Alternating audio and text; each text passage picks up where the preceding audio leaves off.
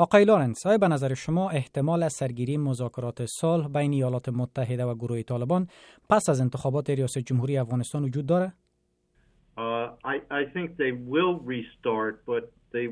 restart in the form به نظرم این مذاکرات دوباره آغاز خواهد شد. اما این مذاکرات شکل قبلی و یعنی پیش از که رئیس جمهور ترامپ را لغو کنه نخواهد داشت.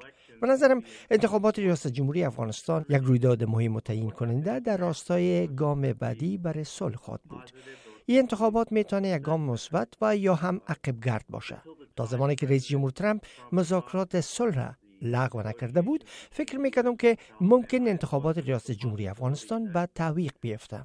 اما در حال حاضر فرصت برگزاری این انتخابات میسر شده. اگر این انتخابات با وجود حملای طالبان نسبتا به خوبی برگزار شود و از سیاستمداران افغانستان پس از برگزاری انتخابات متحد شوند و با دعوا و نزاع رو نیارند انتخابات یک گام مثبت برای مذاکرات صلح خواهد بود.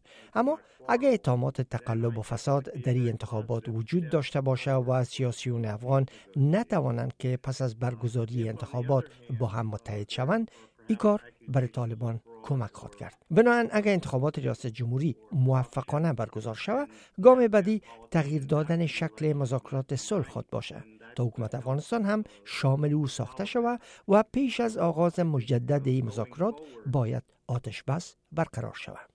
رئیس جمهور ترامپ مذاکرات صلح با طالبان را ظاهرا به دلیل افزایش خشونت ها توسط طالبان لغو کرد اما ما می‌بینیم که میزان این خشونت ها کاهش نیافته آیا به نظر شما طالبان می‌تونند با توسل به خشونت های بیشتر در مذاکرات امتیاز بیشتر به دست بیاورند؟ Uh, no. Uh, I, I think that, that uh, President Trump demonstrated that that failed. نه خیر رئیس جمهور ترامپ نشان داد که این تلاش طالبان ناکام شد. همه شاهدی بودند زمانی که مذاکرات صلح آغاز شد. طالبان میزان حملات خشونت آمیز خود در سراسر افغانستان افزایش دادند. و این بر همه آشکار بود.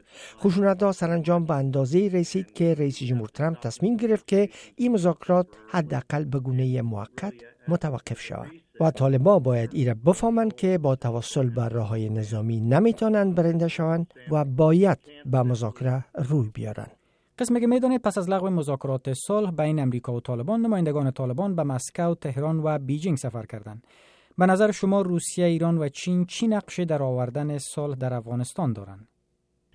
Well, that's a good question because I, I think uh, each of those, Russia, Iran,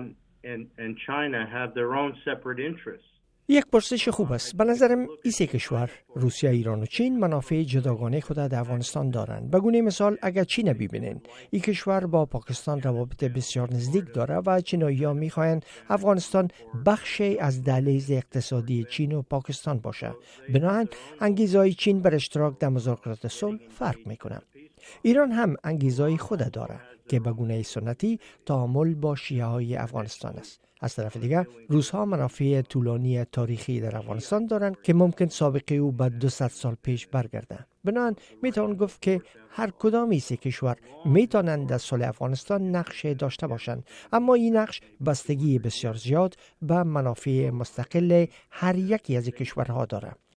پس شما نیز نظر برخی مقام های ارشد ایالات متحده را مبنی بر حمایت روسیه و ایران از طالبان تایید می‌کنید Oh yeah, I I I think they're probably correct in that assumption.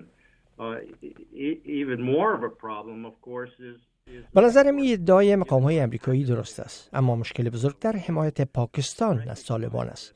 ما همه می‌فهمیم که پاکستان گروه طالبان را ایجاد کرده. طالبان یک زیربنای بسیار بزرگ حمایوی در داخل خاک پاکستان دارند که برخی به او پناهگاه امن می‌کنند بخش زیاد سربازگیری طالبان از داخل پاکستان انجام میشه.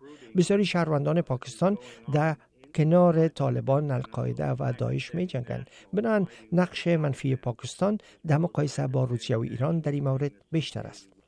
شما از نقش پاکستان یادآوری کردید. آیا استراتژی پاکستان در قبال افغانستان تغییر کرده به ویژه استراتژی اردوی پاکستان که گفته میشه مسئول پیشبرد سیاست خارجی پاکستان در قبال افغانستان است Uh, no. Uh, and I think this is dangerous because they think they're winning through the Taliban. Uh, خیر این استراتژی تغییر نکرده و این بسیار خطرناک است. چون پاکستانی ها فکر می‌کنند که اونا از طریق طالبان در حال برنده شدن جنگ افغانستان هستند.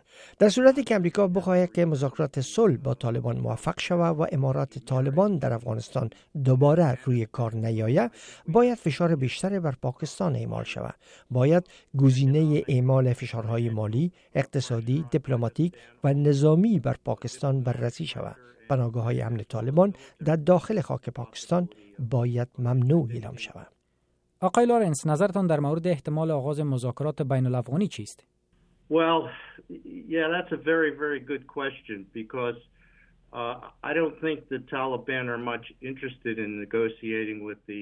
پرسش خوب است. به نظرم طالبان هیچ علاقه بر مذاکره با حکومت مشروع افغانستان ندارند. طالبان به دنبال اعاده اماراتشان در افغانستان بوده و به انتخابات باور ندارند. بنابراین تا فشار به طالبان و پاکستان وارد نشه، طالبان آماده مذاکرات به حکومت افغانستان نخواهد شد.